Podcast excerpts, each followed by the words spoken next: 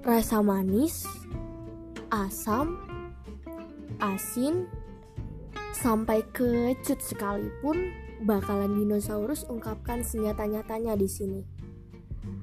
Bakalan banyak cerita dengan orang-orang yang dipertemukan dengan dinosaurus setiap minggunya. Dan bakalan banyak rasa kesal dengan ketepatan kata dari dinosaurus. Oke, salam dinosaurus yang akan selalu kau rindukan.